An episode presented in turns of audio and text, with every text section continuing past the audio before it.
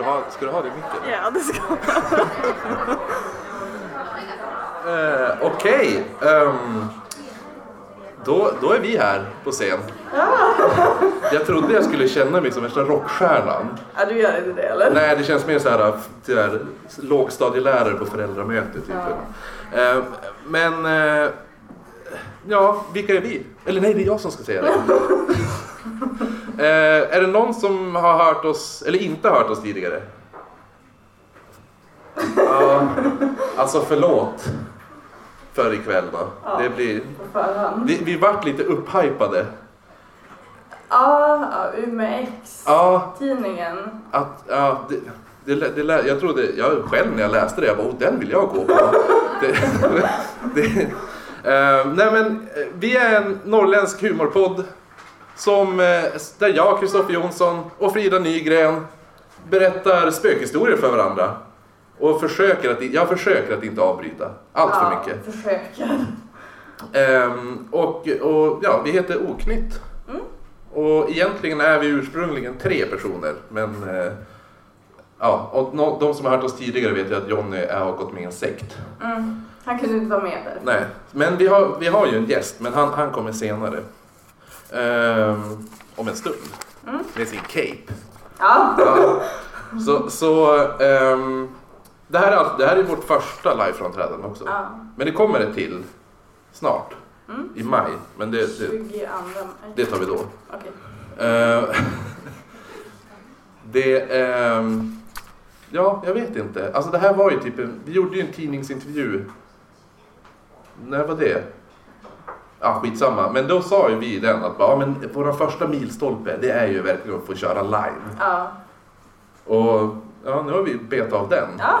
Så nu måste vi uppnå nästa. Och det är ju Stockholm. Mm. Som kanske händer snart.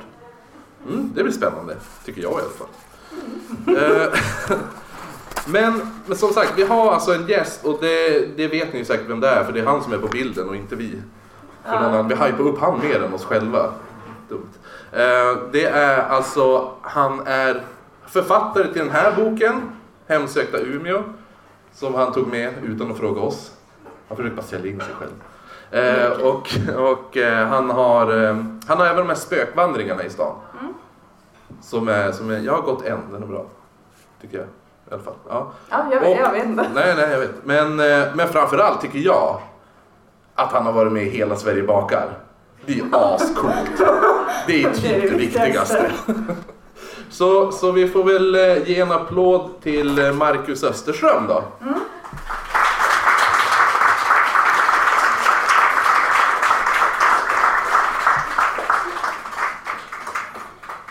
Det är så jävla Batman. Jag insåg... Oj. Jag insåg dels att det inte är... Ja, jag insåg just att det inte kanske var så genomtänkt att göra en dramatisk entré i en podd när folk inte kan se den. Nej, det är ju sant. Och så skulle du haft musik. Ja. Jag vart ju till, eller min, min eh, polare han, sa det, han bara Ska ni inte ha Ghostbusters när ni går upp på scenen? Det hade varit asbra. Jag bara, jag ångrar nästan. det. Ja. Eller att du som vi sa innan skulle nynna så Phantom of the Opera. Jo, men ja. Mm. Ja, vi får se. Okej. Du får köra det som så här exit. Ja, När du då måste upp jag din få bärs. öva på den. Ja, okej. Ja. Du får ta en paus mitt i podden. Ja, ja, precis. Gå in och öva på Phantom of the Opera. Eh, ja, men, men Marcus. Mm. Vad, det- eller vad ska vi prata om idag? Det är jag som håller i det. Men det vi ska prata om idag är ju... Vi har ju alltså alltid teman.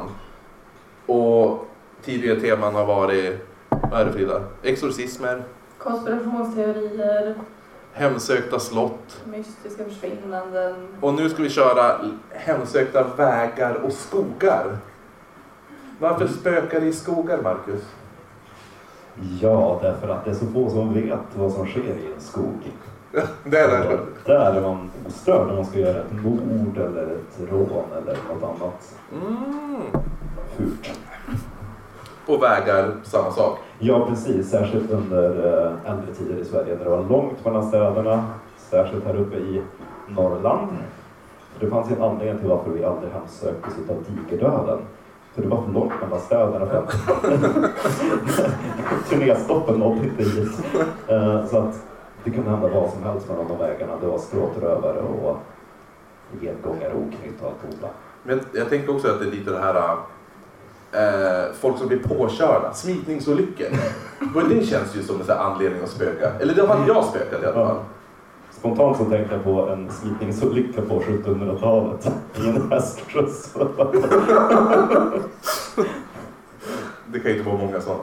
Nej. Nej men precis, alltså längs vägar då det kan vara långt mellan husen och det finns få Ja, precis. Så att om det händer någonting hemskt så, så är det goda chanser att den gärningsmannen lyckas ta sig därifrån. Det är lätt att komma undan. Ja. Är det mycket, är det mycket skog? Eller mycket skog här i Umeå, det vet vi. Men alltså är det mycket hemsökt skog här i Umeå? ja, absolut, det är det. För eh, ännu längre tillbaka i tiden, då var det verkligen så att utanför huset då var det, då var det skog. Du hade ingen granne, det var liksom... Ja, ja. Men ja, ja så att... Eh, men var spökar det mest då? Du har ju dina spökvandringar, du måste ju kunna det. Ja, och en till sak till varför vägar är så praktiska. Det var ju därför att de var få förr i tiden och reste man så fanns det inte så många alternativ. Så om man ville göra någonting synligt så valde man att göra det vid vägarna. Så det var därför man hade galgbackarna vid synhåll utav landsvägen. Aha. Visst har vi gallbacke på typ Röbäck va?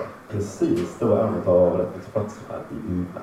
Röbäck och så är det backen den andra. Ja, precis. eh, Vid medeltidskyrkan där så ska det funnits en galgbacke. De avrättar häxor och Och där spökar det.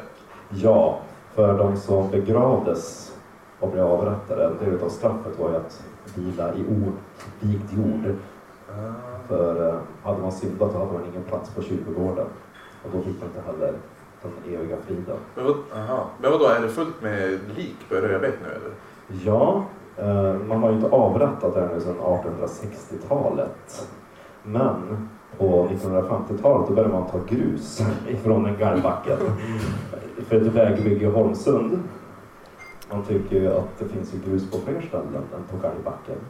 Men då, vid ett av eh, de tillfällena, då, då fick man fram ett huvudlöst skelett i, i gruset.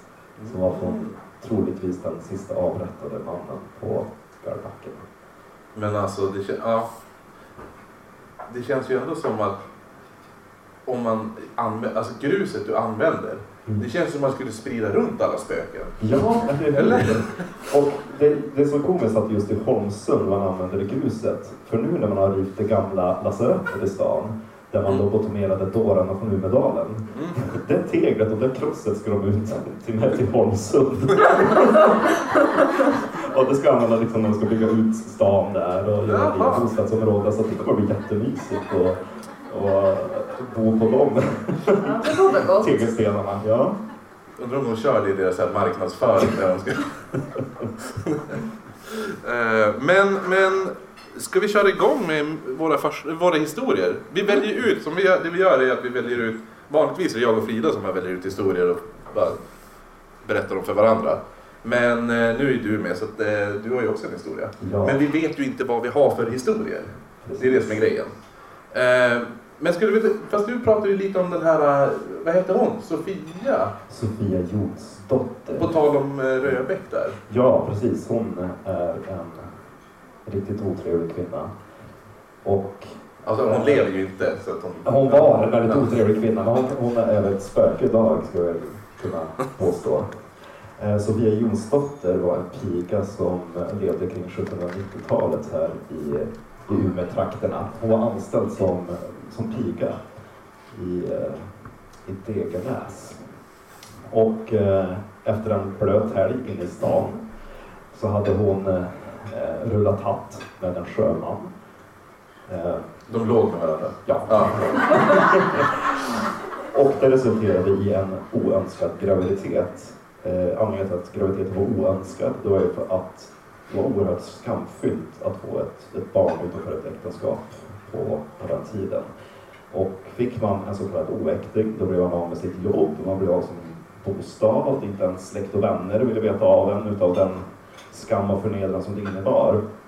Så Sofia Jonsdotter hon beslöt sig för att dölja sitt havandeskap så långt det nu gick och hoppades att ingen skulle notera hennes tillstånd. Och en kall, mörk januarinatt 1792 kom födselverkarna. Vadå, hon hade alltså Ja. gömt det fram tills nu, tills hon ska Ja, föda? precis. Hon hade väl eh, snört åt livet riktigt rejält och i magen. Eh, ja, i alla fall. Hon, hon hade eh, på något sätt lyckats dölja att hon, att hon var gravid i alla fall. Så när det var dags att föda, och det var då sent den natten, då lyckades hon smyga ut från bondestugan ut till svinhuset. Och eh, till den stora lättnad så gick det både smärtfritt, snabbt och enkelt att föda det här barnet.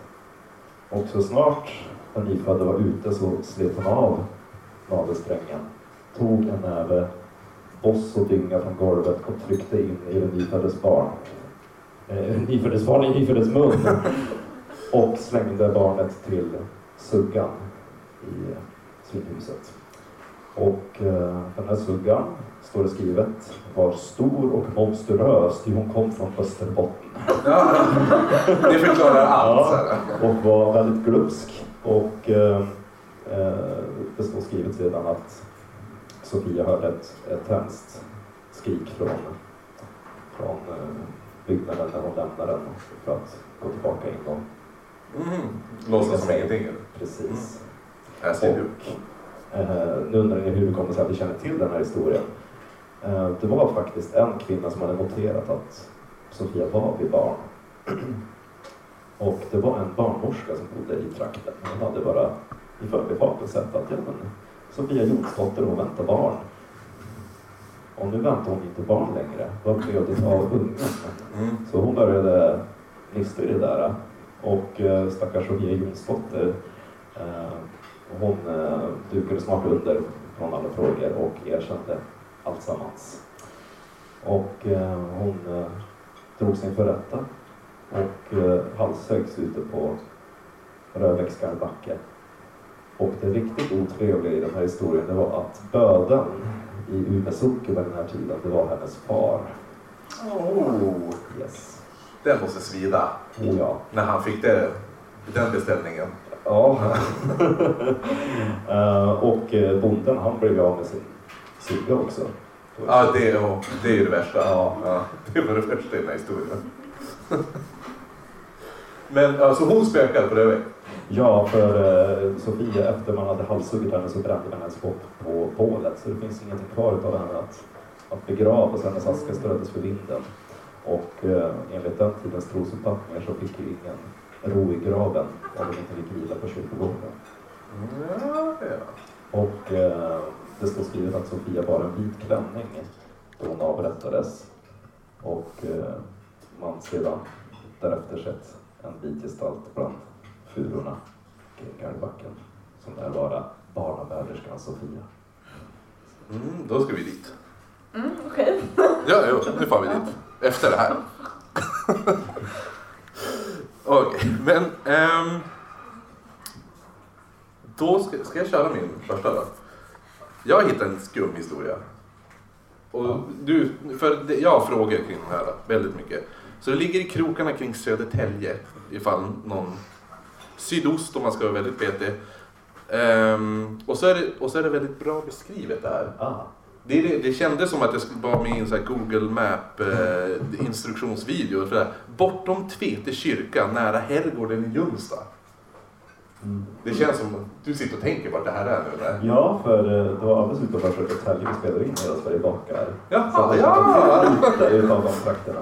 Okej, men vet du vars, vet du vars det finns eh, en, en, en grusväg där som går in i en skog. Eh, och efter ett tag så kommer man fram till en sjö som heter Långsjön. Känner du igen det här? Det finns Nej. många, det finns många, många sjöar Okej, där. och, och då när man kommer ut där vid sjön då, då, då öppnas skogen upp och så kommer det fram till ett ställe som heter Humle, Humledal eller Humledalen. Nej, tyvärr. Det, det missade Det känns lite Bröderna Lejonhjärta. Ja. Det Humledal, ja det kanske, det kanske inte ens var med i den boken, jag vet inte. Eh, typ, ja men typ körsbärsdagen. Mm. Fast öl, ingredienser. Ja, men här alltså finns Humle, Humledalsgården, eller Humle, inte Humlegården, det är i Stockholm va? Mm. Ja. Ehm, och den är väldigt präktig och exemplarisk, står det beskrivet. Och det är precis så jag brukar beskriva mig själv när jag gjorde lumpen. Nu brukar jag alltid sä- säga den historien. Nu är jag mer så här ångestfylld och alkad. Men eh, i alla fall, så Humledals gård eh, är, det är inte det som är hemsökt. Mm. Eh, utan det som händer, där det händer mystiska grejer, det är det lilla huset, om man följer den här skogsvägen, då kommer man till som en sån här eh, rättarbostad. Eh, som är något gammalt trähus. Och jag har liksom sett bilder på det här. Och det är typ i princip, du vet, Anton Svenssons gård. Alltså Emils, ja, Emils Ja. pappa i Katthult. Typ hans hus ser det ut som. Ehm, så att, så att jag, jag, jag, har i princip föreställt mig att allting händer i Lönneberga, hela den här historien. Och i det här huset då så finns det ju både spöken men, men eh, sen, sen eh, ja det är, det är bara en normal Mm. grej. Ja, det finns spöken men det finns andra grejer också. Det tydligen finns. För, för det är någon som berättar i den här hon som har bott i den här rättarstaden. Vad är det egentligen? Rättar? Är det här, de som typ bor Spontant så tänkte jag på skarprätter och var i så fall böden, men det låter väl lite väl Ja, det var lite hårt. rättar. Jag tänkte att det var så här betjä- alltså betjänterna bodde där. Är det någon som vet vad en rättarbostad är? Räck upp en hand. Nej, det var ingen. Nej, det var någon där! Vad är det? Vad det är? Ja. Men det är så att det är en stor herrgård och det bor bara under där det han som äger den och så har de en bondgård bredvid och han som sköter den kallas är Jaha! herrgårdens bondgård och han som jobbar där med rättar. Ja, du, tack. Så typ vaktmästarbostaden. Ja, vi kallar dem vaktmästarna som bor här då. Eh, I alla fall. Ehm, så en vinternatt då, så vaknar alltså mitt i typ vargtimmarna. Så vaknar då en, en eh, som bor i den här eh, rättarbostaden, vaktmästarbostaden då. Eh, att det bultar på, på eh, ytterdörren. Och då är det också, det här, det är ju ett spöke, det säger sig själv. Men varför bultar alltid spöken? Kan de knacka? Någon gång? Det är det som är lite intressant för eh, det klassiska spöktricket är att de går genom väggar och dörrar. Så varför behöver de knacka innan? Varför kan de ens knacka Ja. då? Ja, precis. Men nu i lite mer moderna tider när man börjat försöka analysera eh, spökfenomenet, då har man börjat eh, kategorisera in dem i tre kategorier. Det finns en ointelligent hemsökelse. Den första Det kommer ju vara jag, känner jag spontant. Ja, en- ett exempel på en ointelligent hemsökelse det är till exempel eh, eh, låt säga att det var ett mord och på årsdagen från det mordet då hör man fortfarande skriket när Ah, den här kvinnan blir styckad. Det är liksom ett märke i tiden som upprepas. Det är inte så att du kan få kontakt med den här vålnaden utan det är mest bara en, Ett eko. ja precis ungefär som en LP-skiva som har hakat upp sig. Mm. Och den andra kategorin då är ju ett intelligent spöke, en intelligent hemsökelse. Och då är det ju en, en, Det är ande, du alltså. Ja. en ande som man skulle kunna ta kontakt med, som man kan få ett relevant svar från. Och eh, den, den sista kategorin är, eh, eh, jag tror det var andlig hemsökelse. Den, den kategorin i alla fall är att den, den typen av hemsökelse är inte en, eh, ett spöke från en människa eller en vålnad eller en gengångare utan det är någonting annat, ett väsen, typ en deban. Mhm. Ja, men vadå, vad är poltergeist då? En poltergeist är från tyskans... Jaha, det är tyskar. Ja, Ja, det är en bullerspöke. Vi lämnar det. Det ja. Är fjärde kategori, de är tyskar. Ehm, ja, i alla fall. Hon, hon hör det här bal, baltandet, höll jag på att säga, bultandet på ytterdörren. Och så sen, eh, först tänkte hon att hon bara, ah, men det- jag har drömt det här. Så hon tänkte somna om och så hör hon det igen. Och så går hon ner mot dörren och så sen eh, så kikar hon först ut, för hon bor ju som mitt, hon bor ju längs en enslig gård. Eller längs en, i en enslig gård. Och så sen så hon tittar ut först genom fönstret för att kolla vad, vem är det som har kommit. För hon borde ju tänka att det finns här något bilspår eller skoterspår whatever. Um, Men det är ingenting där. Och hon tänkte också, hon, hon skrev det, eh, att hon vart lite besviken när hon öppnade dörren. För hon, hon, när hon väl öppnar dörren så är det bara, det är tomt, ingenting, det är bara, inga, inte ens ett fotspår på bron. Men hon, hon hade beskrivit det så här, att hon var eh, hon blev besviken då hon trodde att hennes kompisar skulle komma hem till henne och efterfesta. Det kändes ju väldigt så här ensamt. Mm. Speciellt om man bor mitt ute i skogen. Ja. Då hade inte jag velat fara till efterfest där. Liksom. Lite höga förhoppningar. Efterfest i katter. Exakt. Men ja, det var varken främlingar eller fulla kompisar. Så, men nästa dag så går hon ju ut då och så kollar hon runt gården för att se om det finns något fotspår eller något där. Och det är ingenting. Hon ringer även gårdsägaren. Tänkte om det var han, han som hade kommit dit och, eller någonting. Men han fattar ingenting. Han bara, jag vet inte vad du pratar om. Och hon går så långt att hon ringer till ING1. Alltså det regemente som ligger närmast. För att kolla ifall de haft militärövning på hennes gård. så lite så här paranoidtant där. Ja men de sa ju nej, det har inte, haft någon övning. Men, men bankningarna fortsatte. Det här pågick i veckor. Så till slut var det hennes vardag att hon hörde bankningar. Um, eh, inte varje natt men det var så här, ja men kanske var tredje natt så var det någon som så här på ytterdörren ungefär. Och en natt när hon då försöker sova och det går inte så bra. Det är nästan så att hon, hon eh, förväntar sig att det ska komma något bultande på dörren. Men det kommer inte. Men däremot så hör hon en annan grej. Och vet du vad det var? Nej. Gissa Frida. Jag har ingen aning. Gissa då. Men vill inte. Nähä. Eh, hon hör alltså att det kommer någon gåendes upp för trappan inne i huset. Ah, någon har öppnat dörren och låtit den komma in. Ja, Eller- det kan ju vara. Kanske var två. Ja. Men nu blir det lite mysko. För hon ligger alltså i sängen och så kommer det in ett gäng med pysslingar in i rummet. Alltså hon beskriver, alltså kanske inte pysslingar, hon beskriver dem som småväxta människoliknande varelser. Jag tänker typ rumpnissarna i Ronja Jag Rövardotter. tänkte också det. Jag tänkte att nu är det riktigt så här Astrid Lindgren. Ja, alltså fatta ha dem ståendes där. Men, och så just att hon också, hon säger så här, de ställde sig runt mig som en mur kring sängen och bara stirrade på mig. Och sen beskriver hon också att de inte hade något ansiktsuttryck utan de står som bara apatiska, som apatiska rumpnissar. Det är sjukt skrämmande. I en mur runt sängen. Hon tänkte först också, hon bara, jag, hon, hade de inte stått i en mur runt sängen hade hon hoppat ut genom fönstret. Det är hon som har sagt det. Eh, och hon börjar, och, ja, det här är ju en klassiker. Hon börjar nypa sig själv för att se ifall, ifall hon drömmer. Och jag har aldrig, alltså, funkar det ens? Nypa sig själv. Jag tror inte det. Hon skulle ha nypt rumpnissen istället. Det skulle jag ha gjort. Bara en reaktion från henne.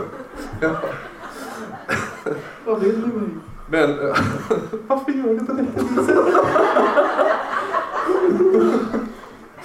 Eh, ja men uppenbarligen, det här var ju ingen dröm. Eh, men efter att hon hade så här, eh, tvingat bort tankarna om att ta självmord där på andra, andra våningen så väljer hon istället att bara dra täcket över huvudet. Det är en klassiker. Det är en klassiker. Eh, och, och bara, ja, men hon kör på den och så ligger hon där tills hon tänker att nu är det säkert, nu kan jag titta fram. Jag vet inte vad det gör. Det är ungefär som, jag tror du och jag pratade om det också. Det här med att eh, du har, ligger du i sängen och så har du handen lite utanför sängkanten när du sover. Det är ju skitläskigt. Ja. Men så fort du drar in den, då är det okej att sova. För då kommer in, inget hemskt händer ändå. Men jag fattar inte varför hon drog täcket över huvudet från första början. För det är väl, då kan de ju göra vad som helst och hon vet inte ens om det. Typ dansa. Men det är väl bättre att ha koll? Jo, men då kommer, de kommer inte åt henne. Vadå? Det är som du... Jo, Men du... det blir ju läskigare för så ser de ju inte. Men du, när vi sitter och pratar, när du, du och jag spelar in podden i vanliga fall, då börjar ju du blunda när jag berättar Nej, saker. Jo. det har jag aldrig gjort. Jo. Nej, jag blundade och höll för öronen när du skulle göra intro. Ja, det var det det var. Det var, det var, det var pinsamt. Ja, just det. Så var det. Det var så det var. Ja, jag glömde. Ja. Eh, Men jag, de är borta när hon vaknar i alla fall. Eh, De kan ju ha dansat, vem vet. Ja. Ja. Eh, Men, men hon, hon, de här pysslingarna, det, det är bara en gång. En gång som de visar sig, det är den här gången. Men de här bankningarna, bankningarna, de fortsätter ju hela tiden. Eh, Och än idag fortsätter det där. Då och då, typ två gånger i veckan, bankas det på dörren mitt i natten. Och de, de vet inte, men de tror att det är för att det är någon, typ, någon gammal eh, vaktmästare Ja. som bodde i, i det här huset för länge sedan som bara fick feeling och hängde sig i brunnen. De tror att det är han. Han kanske hängde sig för att Ja, för de här jävla pysslingarna. Ja. ställde sig som en mur runt om sig. Jag måste få slut på det här. Jävla runtnissar kommer. Så hängde han sig i brunnen. Det känns... Jag gillar att man skulle gardera sig och hänga sig i brunnen ifall de inte drunknar. ja, precis. Om fallrepet går av, då drunknar han i alla fall. Eller ifall man ska kunna hissa upp han sen. När man dött. Ja, jo. Men jag, ja, men jag tror ändå på det här dubbelgarderingen. Går repet av, då faller jag ändå ner och drunknar. Då, och så slipper jag de här jävla runtnissarna. Ja, men hur förklarar de rumpnissarna då? Alltså är det ingen som har funderat vidare på det eller? Nej, men det är därför jag tänkte, nu har jag bjudit hit dig. Nu ska ju du förklara. Vad, vad är de? Vad är, vilka är det här? Jag vet inte vilka det är, men jag har en väldigt bra förklaring. Eh, och förr i tiden så var det extremt noga med hur man byggde hus, i vilket väderstreck, vars. Eh, de låg så att man inte råkar bygga ett hus på rumpnissarna som här. Eh, då, blir de, då blir de förbannade.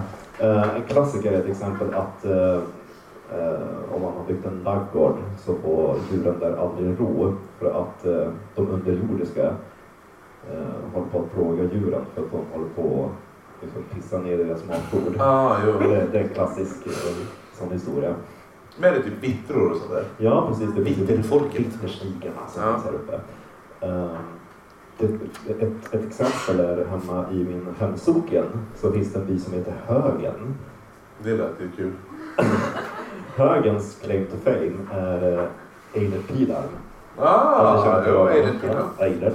Visst, Känner du till han Frida? Nej. Nej. Ah, Har du inte hört hans? Han var ju Sveriges mest bokade artist år 2000. Ja. Okej. Eh, I alla fall, eh, det fanns ett gammalt talesätt om högen som löd 'Höken en underlig fågel och högen en underlig by. För det tedde sig så att när man först hade byggt den här byn så fick man aldrig ro i husen utan det var någon som kom och slog omkull kittlarna och slängde vedklabbarna i, i väggen och ja, det var ett eh, ofantligt oväsen dag som natt. Och då insåg man ju att ah, vi hade ju råkat bygga på en vitterstig Mm. Så då fick man faktiskt flytta hela byn från den plats den låg vid sjön över till andra sidan. Är det därför det är egentligen anledningen varför de har flyttat hela Kiruna? ja, precis. Eh, I alla fall, och, och som får bevis att det här är sant. Om man går in på eh, fornsök, som är typ Google Maps fast för fornminnen, och så skriver man in högen, då hittar man en fornminnesanteckning om gamla Högs by, där de har markerat ut de gamla husgrunderna för den här Mm. byn. Cool. Så att, eh, ja. Jag antar att eh, rumpnissen undrar, när fan ska du flytta? Ja, skriver ja. han, flytta! Hallå! Ja, Då ställs det bara en mur runt den. ja exakt. Flyttar då. Ja. Okej. ja, men det, ja, det var min i alla fall. Mm. Så varsågod. Eller har du några frågor Frida? Nej, jag mest bara tycker att rumpnissarna är lite läskiga. Ja, de är det. Ja. De är, det är bra röstskådis. Birgitta Andersson. Mm. Ja. Kommer du ihåg det? Mm. Du kommer ihåg vem det var va? Jag vet att du har pratat om Jag pratade om det här i podden, tidigare avsnitt. Ja, Vad har hon varit med i Frida? jag vet inte. Nej. Vad har hon varit med i? Vad sa du? Vad har hon varit Birgitta med i? Andersson? Ja. Men helvete! Fan, de är ju Doris i Jönssonligan. Ja, jag tänkte helt fel Ja. Birgitta. Jag tänkte på hon som sjöng eh, Ljuva 60-tal, men det var en annan Birgitta.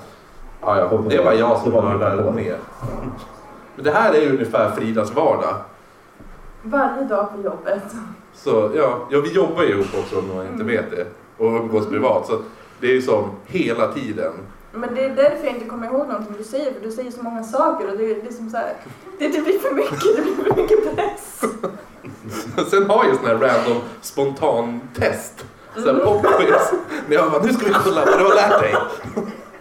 Ja, du får alltid Men du, har, du, har ju, du var ju duktig igår när du bara, det här bandet har du pratat Ja, om men jag kommer innan. aldrig ihåg några namn, men jag Ja. vet ju såhär, bara, men jag känner igen det här och Ja, jag ja, ja. tror att jag har pratat om det. Men du har ju, du har ju en mer lokal historia, har jag för, eller, eller antar jag. Ja, en, en till eh, trevlig sak som kunde äga rum förr i tiden längs vägarna, det var ju liktåg. Det var en stor grej när någon hade dött i socknen. Då firar man. Ja, men då gick ju man i huset för att man skulle hedra den döde och på den tiden då var det ju fest. Då var det gravöl och, och supar och allt vad det var Nice. och gravgotta. Så Om jag dör, då fixar du det. Varför måste jag ordna alla begravningar? Jag förstår inte. Ja, jag har den bilden av dig. Det är så. Varför det? Och för att se till att ingen missade liksom begravningen, då höll man dem alltid på söndagar efter gudstjänsten. Och eh, i min hemsocken där i Grundsunda, då var det tradition att man ställde upp likkistan vid kyrkporten och öppnade den så att man kunde ta och tacka och bocka den döde när man ändå gick in. Mm. Det var, det var mysigt. Mm. Ja, det kör de ju fortfarande i USA och sådana saker. Ja, jo, det, det är det är mycket möjligt. Eh, I alla fall, de här uh, likvagnarna som körde runt i socknen och, och hämtade alla döingar. Då kunde det hända lite grejer med. Och jag har faktiskt med mig en liten artefakt. Ooh. Eh, jättebra att ta med sig saker och visa upp på podd. Jo, så att lyssnarna sen som lyssnar på det här Du kan väl avsnittet, beskriva den här doften. Grejen?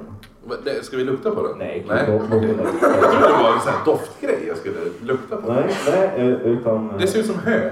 Ja, Ja. Det där är en bit utav stoppningen från likvagnen i Grundsunda. Och eh, den likvagnen var ändå i bruk ända in på 1920-talet. Så min gammelfaster under spanska sju- sjukan låg och räknade likfärderna till Hon hade kul de kyrkogården. dagarna. Ja, men hon, hon låg själv insjuknad i spanskan och eh, deras hus var precis vid landsvägen. Så då satt hon där i fönstret och räknade liktågen till kyrkan. Hur många var det som dog egentligen? Det var eh, liksom den sista stora farsoten i Sverige. Eh, Jag minns inte exakt hur många procent. Jag tänker eftersom hon kunde göra en grej att hon sitter och räknar. Det känns Ja. som det gick Ja. fyra liktåg per dag. Jo, men det var förr i tiden. Norrut så gränsar ju, nu ska vi se, nej, söderut så gränsar eh, Umeå socken till Nordmaling och söder om Nordmaling i Grundsunda. Men eh, på den här tiden då var, nej, inte på den här tiden, men tidigare så var Nordmaling och Grundsunda en enda stor socken. Det var jättestor så att förutom den så den gränsar till Umeå i norr och till Övik i söder. Så det var en hel del där. Ja, det var hela den. Ja, Okej. precis. Det var en bank som stod Jag tänkte det var alla i en liten by så här. Nej. Dog fyra om dagen. Nej, nej, inte riktigt. Men i alla fall det... Är det någon som vill kolla på den här? Felicia, vill du kolla? Nej, jag kan kolla. Ja. Får du skicka runt den. Ja. Det är inte bara till dig. Fantastiskt. Eh, Det kan ju vara lite bakterier från spanskan där i också. Så just därför valde Det det. min bästa kompis. Det är en till begravning för Johanna. I alla fall. Eh, ibland så kunde det hända lite grejer med den där likvagnen när de skulle köra till kyrkan. Eh, det var ju den stackars hästen då som fick släpa den döde. Och ibland så märkte de att, att den döde började bli tyngre och tyngre ju längre, eller ju närmare kyrkan man kom. Och, och hästen fick verkligen slita och kämpa sig fram och svetten löddrade om den och man fick ibland till och med byta häst. Och då fanns det två möjligheter eh, till varför det blev på det här sättet. Antingen så satt det fripassagerare på likvagnen och eh, det var ju då det osynliga. Och för att kunna se det som var osynligt så skulle man stiga av kuskbocken, gå fram till bokskottet och kika där över vänster skuldra på, på hästen. Då skulle man se det som var osynligt och då fick de så vackert kliva av vagnen. Men om man nu gjorde det och det fanns inga osynliga på likvagnen, då eh, berodde den här ökade tyngden på det faktum att den döde hade syndat i livet. Och ju närmare kyrkan den döde kom, desto tyngre blev kroppen utav alla de här synderna som, som hon begått i livet. Och eh, så var det i fallet med en trollkona som hette Per Anders Mora. Tungt namn. Per Anders Mora. När man skulle dra henne till kyrkan då fick man byta häst. Henne? Ja, Per, per Anders? Hen, henne? Per Anders Mora. Per Anders Mora. Jaha, ah, ja, nu är jag med. Hon hade inget eget namn. Nej, hon, är Hon ju- hade inte förtjänat ja. Du vet om Per Anders Mora. Ja, ja. Ja. Så eh, i alla fall så lyckades de i alla fall dra henne till kyrkan så småningom. Men när de väl skulle hiva ner eh, kistan och liket i, i graven så var det så tungt så att man tappade den. Och eh, locket flög upp och kärringen rullade ut. Kärringen. Kärringen rullade ut. Och då upptäckte man också att i liksvepningen så hade man lagt in eh, eh, kopparslantar. Och det gjorde man som en muta för att den döde skulle förbli i graven. Var, va? Varför då? Jag undrar också, alltså, vad har för glädje av pengar i, Ja. döden?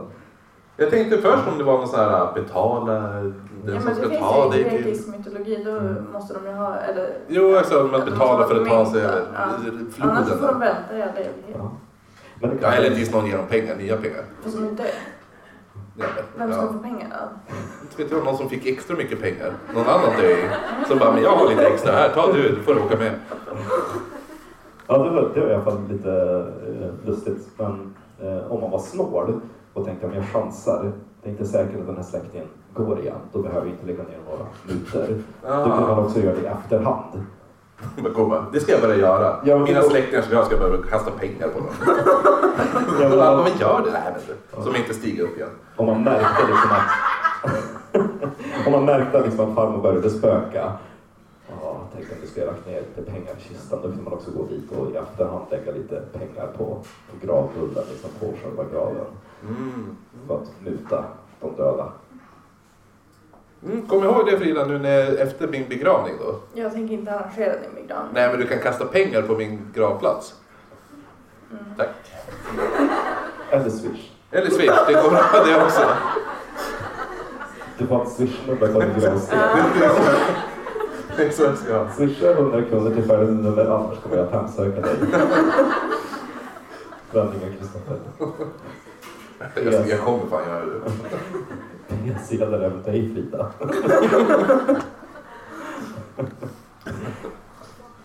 Men ja. Du hade två va? Eller fick jag bara för mig det? Ja, i alla fall. Eh, alla de här spökhistorierna har jag oftast fått återberättat för mig av min farfar. Som är ett spöke. Ja, just det. Det spökar ju hemma hos dig. Ja, gjorde jag det? Men, men, men eller var det... Fick jag för mig att alla spökerier på Ålidhem är ryska soldater? Eller var det just specifikt hos dig det var ryska soldater? Nej, eh, det finns någon lägenhet på Ålidhem där, där det spökar ryska soldater från eh, finska kriget. Sägs det. Är, det- är det någon här som bor på Ålidhem och det spökar hos? Ah! Åh! Vad händer? Kom och berätta. Oljud. Ja. På nätterna. Det är en rysk soldat. Jag vet, de tycker inte om kablar. Nej, det är känt för ryska soldater. De tyckte inte om min Gustav Klimt-tavla heller. Tyckte du om din Gustav Klimt-tavla? Nej, de tyckte inte om den. Nej, men det... Alltså, då kan det vara vem som helst som spökar. det var Ikea. Ja. Mm.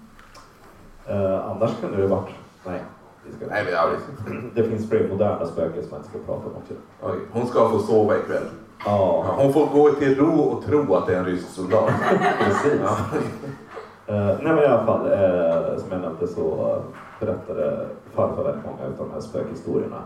Och han berättade dem med blodigt allvar. Det var ju aldrig eh, något skämt. som vi drar nu, utan han gick helt in med att det här var sanning.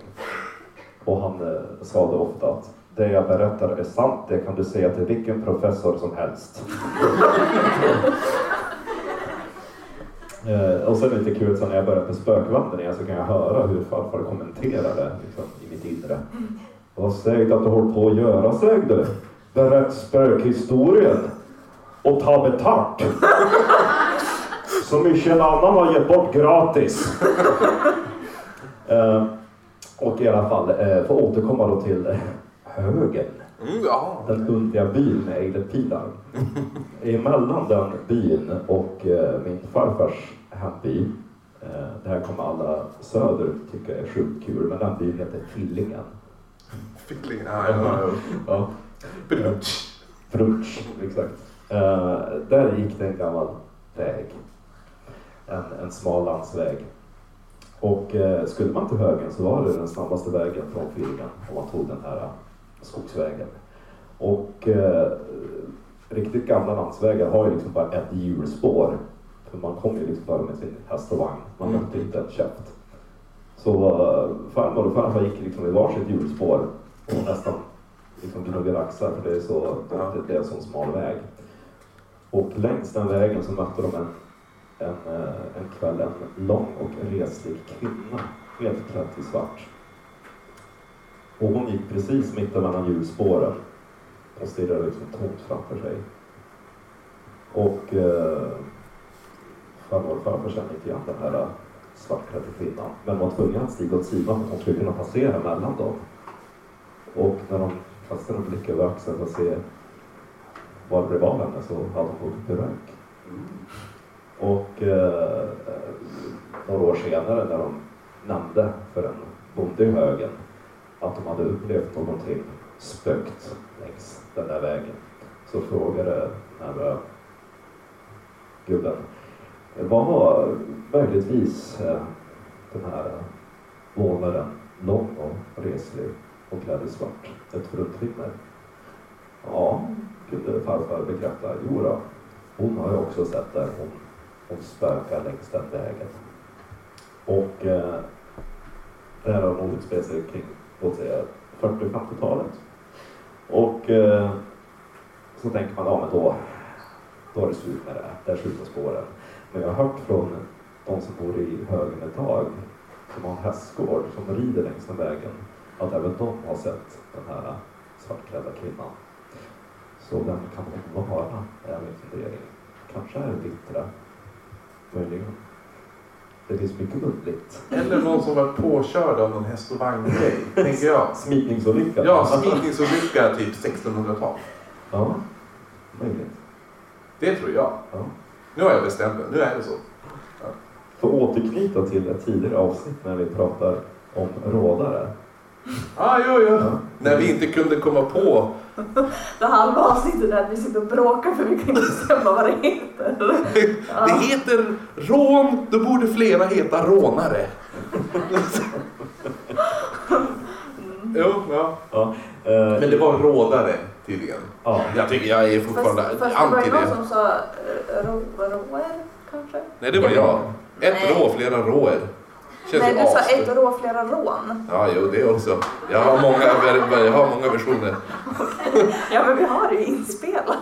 Ja, lyssna på det avsnittet. Ett rullrå, flera rullrå. Aha, hela Sverige bakar. Eh, I alla fall i, eh, i sjön där vid högen så finns det gott om fisk men det är ingen som lyckats kunna fånga den fisken för det är så starkt rå över den. Men då var en gubbe där då som tänkte att nej nu jävlar ska jag ta och fånga lite fisk. Så han eh, vände sig till eh, trollkonster för att försöka blidka det här eh, rået. Han eh, slängde i först lite silverslantar tänkte jag kan muta Mm. rået. Du får silver och jag får fisk. Eh, gick inte. Så då gick han istället till kyrkogården och tog gravmull. Det är starka grejer. Och så la han det i skosulorna och så gick han tre varv motsols runt sjön. As you do. Ja, standard. Ja, men ingen, ingen fisk. Så att eh, Det där är sjöråd vaktar sin fiskväl. Fast han går tre varv motsols. Alltså hade du gjort det? Om du bara, får jag låna Alltså, jag pengar? Så jag bara, har inte, sån. ti- jag har inte pengar. Du bara, men om jag lägger lite gravmull i skorna och går tre varv runt ditt hus.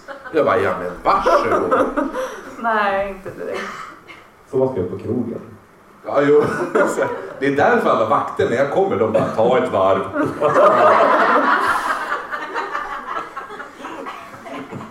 Fråga var med där utan bull. Måste jag gå baklänges? Men ja, men alltså hur kommer man på, alltså alla de här, det är som du, du berättar med, med likkistekörande. Ja. Bara, ja men om jag går ut och tar ett varv och så sen kollar jag runt vänstra axeln och kastar salt runt den högra och bla bla bla. Och så då ser jag dem. Alltså Ja. hur kommer man ens på det? Man provar sig fram. Ja. Ja det är så, ja. Eh, nej men eh, just om, om vi ska ta den här eh, historien då med eh, gravbull och tre varv och, och alltihopa. Det är väldigt krösa-Maja. Mm. Tillbaka till Emil Lönneberga. När Alfred har fått blodförgiftning. Han bara kräm ner tummen eh, höger om det där och säg fi, fi, fi, bli, bli, bli. Alltså, man bara, ja, jo, jo, då blir man ju frisk. Ja. ja, det egentligen är det att man håller på att uh, you dabble in witchcraft a bit. För eh, dels att man gjorde det tre gånger så åberopar man eh, den heliga treenigheten. Men eh, nu kommer jag också ihåg att det var specifikt att man skulle ta gravbullen och lägga det i vänster sko. Och eh, som vi alla vet, eh, häxor och trollkarlar gör saker på fel sätt. De, de är vänsterhänta och inte högerhänta. Eh, de går baklänges. Det är ganska roligt för, jag måste bara säga, när jag var liten, jag tror jag har sagt Ja. i podden också, men det är ju folk som inte hör det. Men när jag var liten var jag vänsterhänt. Och min mormor är i skola till att man ska skri- fan inte skriva med vänster hand. Det är, så att, och jag var alltid hemma hos min mormor. Det här, för någon anledning pratar jag alltid om min mormor i, i våra Men poddavsnitt. du har mycket att berätta. Ja, jo, hon är skön. Eh, hon är för övrigt barnvakt ikväll. Ja. Så det är därför inte hon är här. Annars hade jag fan haft henne på soffan. Hon, hon körde alltså så att hon tejpade fast min, min vänsterhand. I bordet. Så jag var hemma efter, efter så här dagis och förskola så var jag alltid hemma hos min mormor. Så hon bara, och så satt, såg hon att jag satt och ritade med vänster hand. Och hon bara, nej det här, det här går inte. Så att hon bara, nej nu kör vi. Och så fick jag, vart jag fasttejpad. Och så tvingad att skriva med, eller rita med höger. Så nu är jag högerhänt. Hon räddade dig från att bli tagen av djävulen. Exakt! Alltså, vilken underbar mormor. Ja. Fast någon... Det värsta av allting är att eftersom hon är barnvakt åt mina barn ikväll. Ja. Mitt yngsta barn är ju vänsterhänt. Så Inte längre till. det, nu är det kört. Jag kommer hem.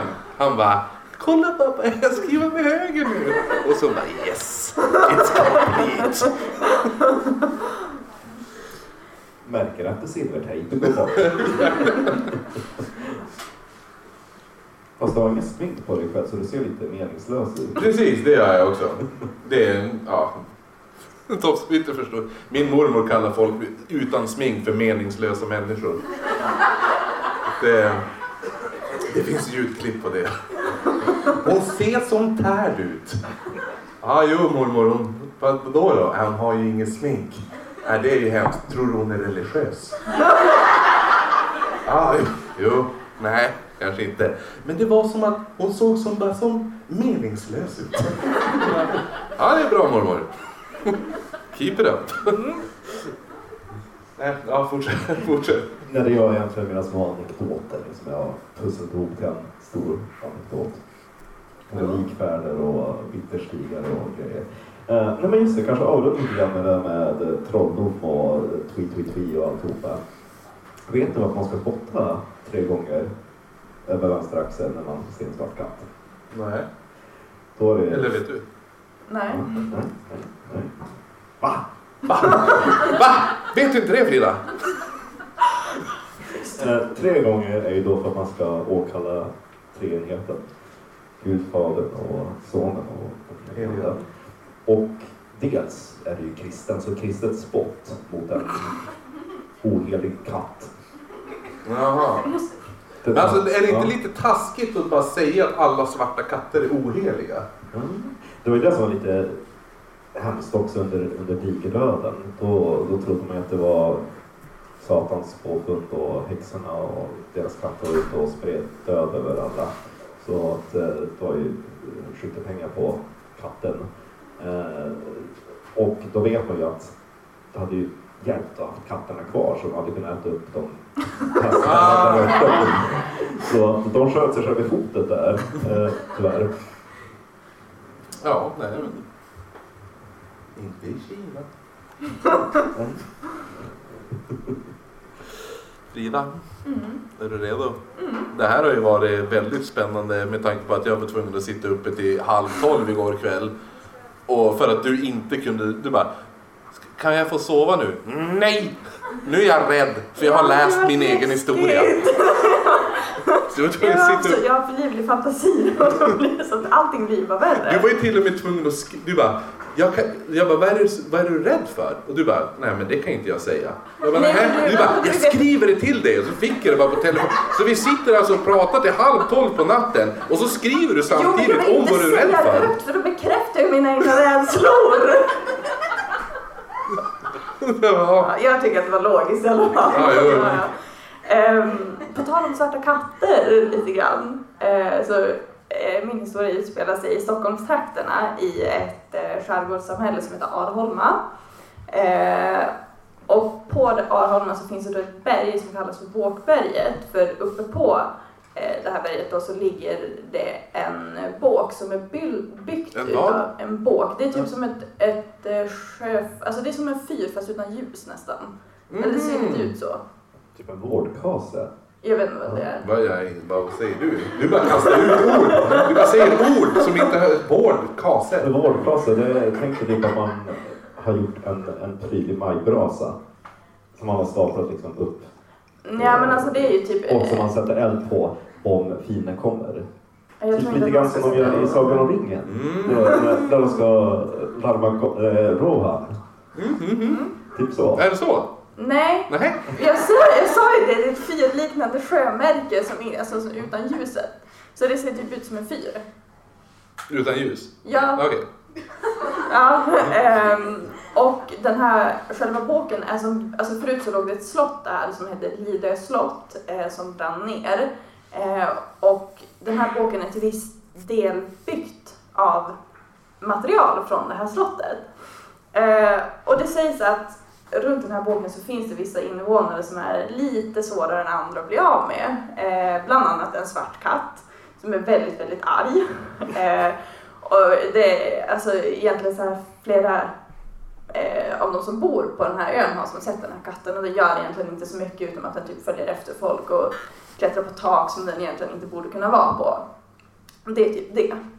Eh, Alltså Men- jobbigt ändå ifall du har en svart katt. Och så Jo. blir den, alla bara, det är, tror att det är en spökkatt och så försöker de bara skrämma bort. Alltså det hade ju jag gjort ifall det var en spökkatt. Ifall det var en katten vara bara, det är så svårt. Ja men en spökkatt så kastar mig stenar. Varför? Bort! Det är så jag Ja, men gå reagerar. inte där den bor då. Men ifall du ser ett spöke, vad gör du då? Kasta stenar. Nej, Då ska vi kasta sten på någonting. ja, men vad ska det hjälpa?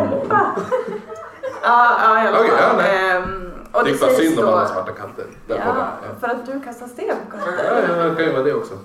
Ja, nej men det sägs sägs i alla fall att den här katten eh, dröjer sig kvar från Blidöslottets tid. Ehm, men längre norrut på Arholma så eh, finns det lite eh, skog som blir allt tätare och tätare. Eh, och här ligger då en plats som kallas för Trollträsket. Eh, och de som bor här, det är, så här, det är långt mellan grannarna och så, så det, är, det är obehagligt i sig. Eh, men i den här skogen så sägs det finnas en varelse som jag tycker påminner jättemycket om Gittmannen. Det var det ordet du inte kunde säga till mig igår kväll. Du var tvungen att skriva det till mig. Det är. Säg det inte högt när jag skriver det. Jag bara, ja, okej, getmannen, tack. Ja, men i alla fall, det, ja, jag fick bara den känslan. Eh, Vet alla vad, vem det är, eller vem det är, vad getmannen alla som har är? lyssnat på Creepypodden, ja, eh, det, jag, jag tycker Förklara getmannen. Jag blir rädd. Men Getmannen är alltså, en- det är i princip en, en så här cryptid, vad man kan säga. Typ som eh, Bigfoot eller vad som helst. Som, är, som bor i skogen och, och eh, börjar anamma våra, e- oss själva ifall vi är ute, typ, säg att du och jag är ute och campar. Och så du bara, ja men jag ska, eller jag bara, ja men jag ska gå och pissa i skogen typ. Och så sen, då kommer jag tillbaka och du bara, men den här känns inte som Kristoffer. Mm, typ Det här såhär- känns som weird. Alltså det känns lite som att eh, eh, ja, men det, det skulle, man skulle få den eh, alltså uppfattningen om att eh, personen inte riktigt vet hur man gör här basic saker. Typ kanske gå lite ryckigt, prata konstigt, typ såhär, bara upprepa saker som folk har sagt. Precis, speciellt eh, saker man har sagt tidigare. Ifall du och jag har haft en konversation och så har jag sagt typ jag bara, ah, men nu måste jag gå på toa. Jag går hit bort och sen kommer jag tillbaka och säger bara toa. Hit hit bort. bort. Ja, Hit bara, lite Ja. så. Nej men i alla fall, jag kommer bara att tänka på det. För det finns ett avsnitt där de berättar om hur getmannen kan se ut när han inte har tagit någon annans skepnad. Och det tycker jag är lite otäckt. Du Eh, såg ändå som mig. va? Nej. Ja, men i alla fall, en man som är uppvuxen i trakten eh, berättar om hur han en gång skulle gå ut och plocka blåbär tillsammans med några bekanta. Eh, och det fanns tydligen jättemycket blåbär i den här skogen så han går ju som bara, eh, kommer lite längre bort från de andra. Och, eh, och till sist så går ju de hem. Men han känner som till den här trakten så han bara, ah, men jag stannar kvar ett tag till. Eh, och så blir det bara mörkare och mörkare. Men han känner sig som lugn ändå. Han har ju varit där förut. Ehm, så till slut när det har blivit så pass mörkt att han känner att han kan inte riktigt se bären framför sig så bestämmer han sig för att gå hem eh, längs en smal stig. Och det är ovanligt tyst i skogen, vilket alltså alla som har varit i skogen vet ju att det är aldrig tyst i skogen. Men det var det nu. Eh, så efter ett tag så börjar han känna sig iakttagen. Eh, och han har svårt att liksom skaka av sig den här stickande känslan man får i nacken. Eh, så liksom lite för att typ lugna sig själv och som, alltså han, in, han blir som arg på sig själv. Han bara, alltså, varför är jag rädd egentligen? Han vet ju att det är ju ingenting. Eh, men bara för att lugna sig själv så vänder han sig om och kollar liksom så här över axeln. Eh, Det har man ju gjort själv. Jo, och det, det är därför det är så läskigt för jag känner igen mig i den här situationen. Så här, bara, ah, man går typ så här längs en skogsstig och så bara, ah, men nu känns det som att det är någonting här. Sen bara, ah, kollar Jo, men jag axeln är, och alltså, det är typ på affärer. Jag går bara dit på ICA Maxi. Jag går ut bara, nu tror de att jag snattar. Mm, ja. Eh, ja, jo okej. Jag är, Eh, vadå, gör inte ni det här? Nej. Nej, det är bara jag. Ja. Ja. Eh, och så vänder han sig om och får syn på en varelse som är typ alltså, ungefär lika stor som en häst. Fast han vet ju att det finns ju inte, alltså det finns ju inga varelser som är så här stora i skogen. Eh, eh inte i den här skogen i alla fall. Eh, den är så här, ja, men typ, alltså, ja, men väldigt blek och väldigt konstig, alltså ser som inte ut som något djur som han vet om typ. Eh, och går eh, klumpigt. Mm. Lite som att hon nyss har lärt sig gå typ. Ehm, Den där stapplande ja, och det var därför jag kom att tänka på Getmannen. Eh, ja, alltså och på, gå lite grann som att, ja men precis som en häst som drar ett tungt lass. Eh, ja, och han, eftersom att han, han vet ju att men det finns ju egentligen inga sådana här varelser på ön så blir han ju rädd och så börjar han öka takten. Eh, och så kollar han sig då och då så kollar han sig över axeln och ser att den här varelsen följer fortfarande efter honom. Och till slut så blir han så pass rädd så att han börjar springa. Eh, och då gör ju varelsen också det. Eh, och så inser han ju liksom att nej men alltså, han kommer inte kunna springa ifrån den här för den kommer bara närmare och närmare. Eh, och ja, till slut så går det upp för honom liksom att nej men alltså, den kommer hinna kapp mig jättesnart. Eh, så då, alltså han, han springer som bara fortare och fortare och till slut så eh, kommer han ut i lite öppnare terräng och eh, hoppar över en gärdsgårdsgrind.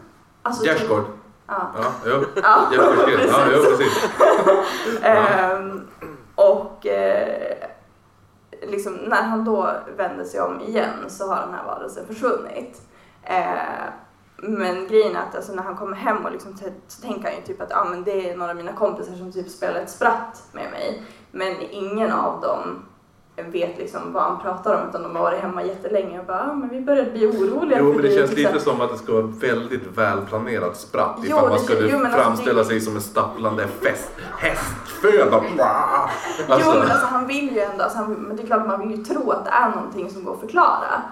Men Mm. det var ju inte riktigt det. Och sen i efterhand så har han liksom tänkt som bara, ah, okej men eh, det var väl ingenting, det var så att han bara inbillade sig. Men han har ändå varit så att han inte riktigt vågar gå ut i skogen efter det. Och jag förstår. Ja, jag, jag köper det. Jag har ju varit det här hästfödet i, alltså en gång. För det var, klev av bussen en gång. Och så sen då skulle jag gå, eh, börja gå hemåt och så var det en tjej som gick framför mig som också skulle åt samma håll.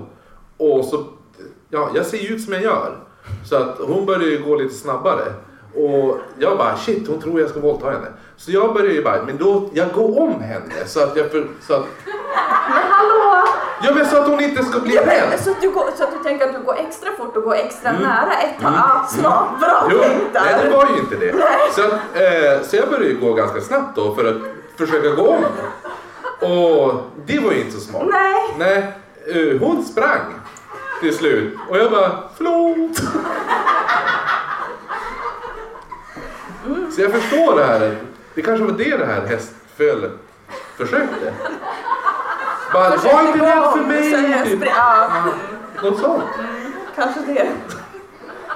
Ja, ja, men, ja, men tänk bara att det kan vara så. Ja. det är just att jag känner igen mig själv. Men ja, som sagt. Vad var det de skrev om oss? Eh, ta med din hålla i handen kompis när du ska lyssna på det här. Det känns ju inte som det behövdes Det är va? inte jätte, alltså det blir ju inte så läskigt när vi sitter så här. Jag tror aldrig det var läskigt. Det är därför att vi har så mycket folk med oss ikväll. Ja, det är ju det läskigaste. Hade vi bara suttit vi tre i det här rummet, hade det varit lite läskigt.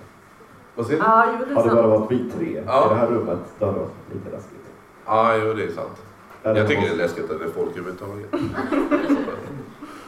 Eller hemma hos dig bland alla ryssarna. Men slut, vadå? Det är ingen ryssare hemma hos mig. Men din lägenhet är ju hemsökt. Mm, jag är fortfarande skeptisk. Mm. Ja, du säger det men... Finns det en anledning till varför eh, din avkomma skriver med vänster hand? Ja, det är sant. Men det är slut på det nu för nu är min mormor barnvakt. Hon, ja jo, nej men hon är skön på sitt, på sitt sätt. Man får, man får inte skriva med vänster hand och du får inte vara osminkad. Så länge, ja, i alla fall om du är tjej. Men hur hade flickorna på TV sett ut ifall de inte hade smink? Ingen hade ju tittat på TV. Det är sant, eller? Ja, faktiskt. Jag insåg att jag sett till det utan till det. Du har ju själv varit i TV, du har ju varit i hela Sverige på, du har ju bakat i TV. Ja. Då hade ni ju smink. Ja, vi såg väldigt menlösa ut utan smink. Ja, det är det jag tänkte. Menlösa och meningslösa. Vad var det bästa du bakade? En toskakaka. Oh. Ja. Du får baka den till oss. Ja. Som tack att du får hänga med oss. Ja, jo. Nej, det är vi som ska tacka. Vi bor ju bägge två på Ålidhem så att... Vi gör det. Vi bor bland rysspökena. Ja. Och dig! Här borta. Hej! Vi får ha ryssfest någon gång. Vi tre och ryssfemmor. Ja, det blir bra. Gustav Klint. Ja, exakt. Eh, men, ja, vart är det, säg nu, vart är det mest hemsökta stället i Umeå? Innan vi avslutar. Oh. Det, alltså det beror på om man ska prata om det hus som har flest spöken eller det som det är mest aktivitet i. Båda. Mm. Det mest hemsökta huset som man säger det är Sävargården. Som står uppe på Gamlia. Som är vårt eh, friluftsmuseum. Man skulle kunna säga för eh, den som är utomlands och lyssnar utanför Västerbotten att eh, Gamlia är vårt Skansen. Det är lite överhypat att säga att det var Skansen kan jag tänka. Ja, men det är dit vi har flyttat alla gamla byggnader som vi vill spara. Och Sävagården har fått sitt namn från det faktum att den var en bruksherrgård ute i byn Sävar. Och Sävars claim to fame, det var att det var skådeplatsen för det sista slaget som har utkämpats på svensk mark. Mm. Och det slaget kallades för Sävars blodiga dag. Och det var just mellan svenskar och ryssar. Så att, det var eh, väl det som var en 100-årsjubileum ganska nyss va? eh, tio år sedan. Ja, det är väl ganska nyss. Eller? Jag kommer ihåg att kungen var där. Jag såg Ja. kungen. Ja, Ja. jag är också där. Ja, cool. Uh, nej men i alla fall, och under slutskedet av det slaget så hamnade herrgården i, i skottlinje. Det var först högkvarter för de eh, svenska styrkorna och när eh, ryssarna drev oss på flykt så intog de herrgården. Så i timmerstockarna så finns det spåret av kanonkulor och musköt eh, eld. Och eh, redan när Sävagården stod kvar där ute i byn Säva så pratade man om att den var hemsökt. Och spökena följde med när man sedan flyttade herrgården till Gamlia i Umeå.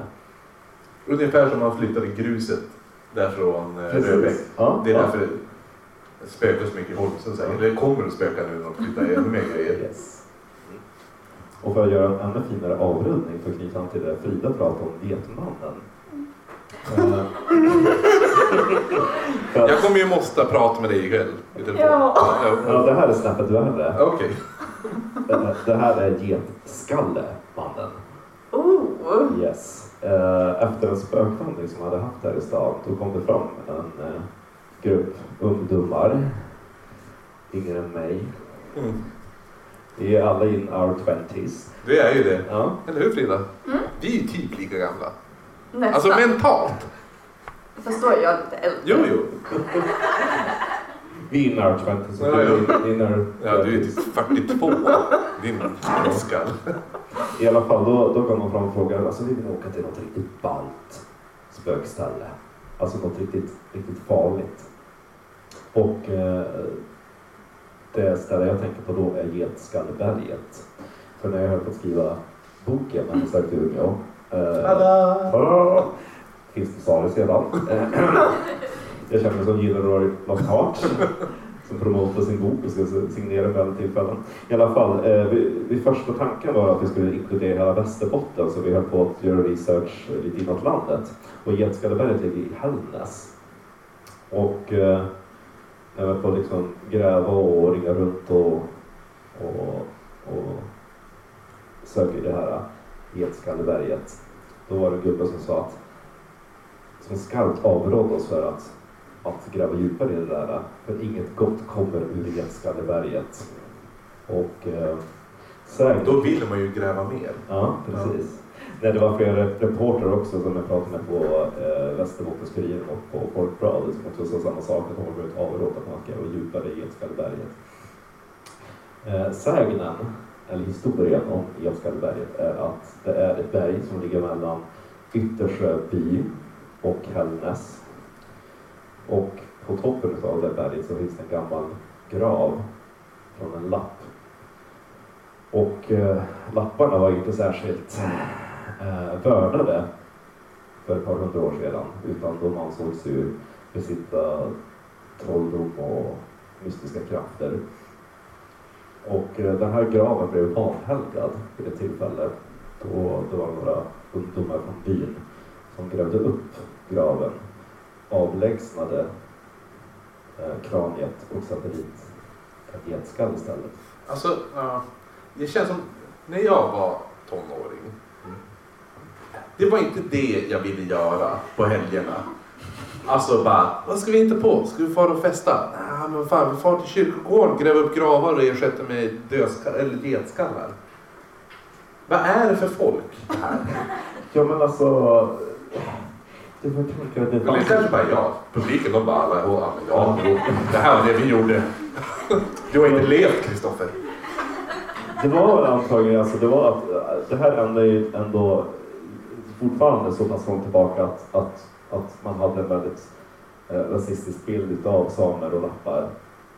Och att man kanske också ville gräva upp graven så om det fanns några klenoder där, någonting utav värde att ta. Det var i princip en gravplundring. Och i samma veva tänkte man, ja men vi tar och vanhelgar graven lite grann. I alla Det fall. är lite catchy. Yes, och eh, nu för tiden, de som bor i bil berättar att eh, det finns vissa äldre personer, när de kör för bil förbi Edskalleberget så sitter de och sjunger psalmer i bilen. För att liksom komma förbi platsen. Eh, inte livet i behåll, men nästan. Det är väldigt vanligt att eh, motorerna lägger av där och man får motorstopp. Att det är någon som slår och hamrar baksätet. När man Mm, kollar i backspegeln så ser man att det sitter en man där med en het skalle. Men fy fan. Och det är folk som berättade för mig, liksom, lika allvarligt som din farfar berättade utav historier, att ja, jo, jo, jag har varit med om det här. Och eh, det har hänt olyckor där eh, folk har eh, omkommit på konstiga sätt också. Och så i alla fall, jag tipsade om Getskalleberget till de här ungdomarna och tänkte, de lyckas de hitta det där berget, för googla mot på Getskalleberget får man inte fram koordinaterna. Men lyckas de hitta det så, ja, då har de en, en natt att se fram emot. Och, Det är eh, att du bara, folk har omkommit men de har, ni har ju natt att se fram jo, men jag sa att jag avråder starkt från att åka dit, men vill ni åka dit så on your head be it. mm. Och eh, kanske en månad senare när jag var på ICA Ålidhem, som man är ibland Mm. på Ålidhem. Då var det en kvinna precis när man kom in där vid frukten som började tokstirra på mig. Och bara, det är du. och då tänkte jag, ja, det är jag. Ja, det är jag från Hela Sverige bakar. Ja, men tänkte, för, för till frukten är ju också alla vetebröd. Så jag tänkte,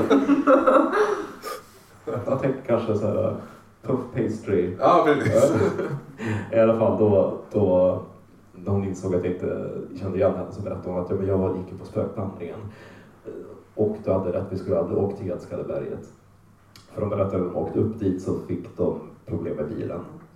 De hade till och med hyrt en bil. Så att det var liksom inte något, vilket, vilket skrot som helst. Det var inte rent a wreck de hade? Nej, utan det var typ någonting från någon Statoil eller någonting och de, de kontrollerar sig ganska ofta. Får man ju ändå tänka. Hoppas. Så bilmotorn hade liksom lagt av. Alltså de hade först kört upp dit, parkerat, gått ut.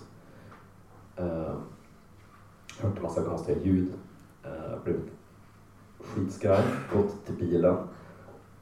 Försökt starta bilmotorn och den startade inte. Mm.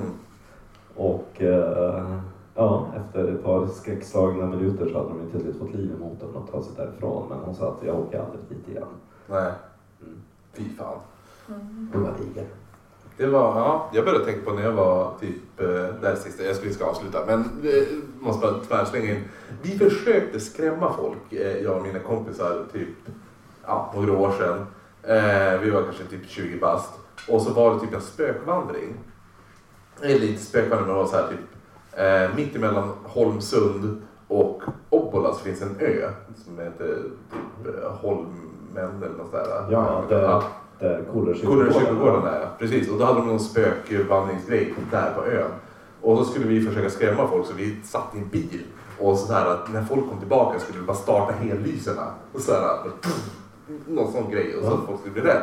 Eh, det funkade inte, det var ingen som var rädd.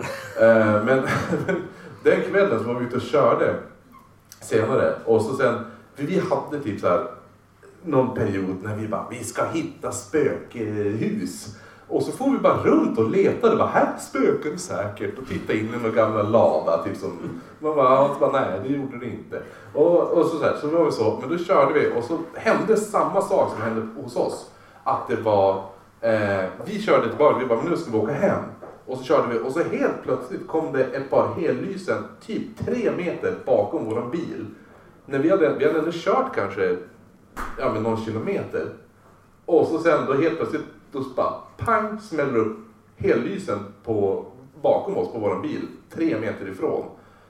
Fan, jag skrek väldigt mycket då. Och så sen så vi höll på att köra av vägen den gången och sen körde bara bilen iväg och försvann. Jag vet inte om, jag vet inte vad det var. Det kan ju vara någon som bara var assholes och skulle dryga sig med oss. Men då känns det som att man borde ändå ha märkt att det kommer upp en bil efter typ en kilometer och är ungefär avståndet från typ, jag är inte med och Frida, men alltså typ mig och den där äh, pallen som står där för någon anledning.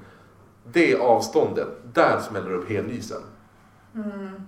Känns lite... Alltså jag tänker att det var karma. Ja, det kan vara det. Kan. vara. Ja, ja, ja, det, det får vara det. Cirkelslös där. Precis. Men eh, jag känner mig ganska nöjd Frida. Mm, Är du nöjd? Jag också. Jag är ganska nöjd med det här avsnittet. Ja, det blev bra. Vi får avsluta här och så får vi tacka alla som kom men framförallt får vi tacka dig Marcus. Ja, tack så mycket för att jag fick komma. Sjukt kul att du var här. Och så, ja, här är din bok som går att köpa av dig på vilket sätt. Swish. Ja, så, Är det kontanter? ja som i graven. Ja, precis. Men eh, tack för oss. Godnatt.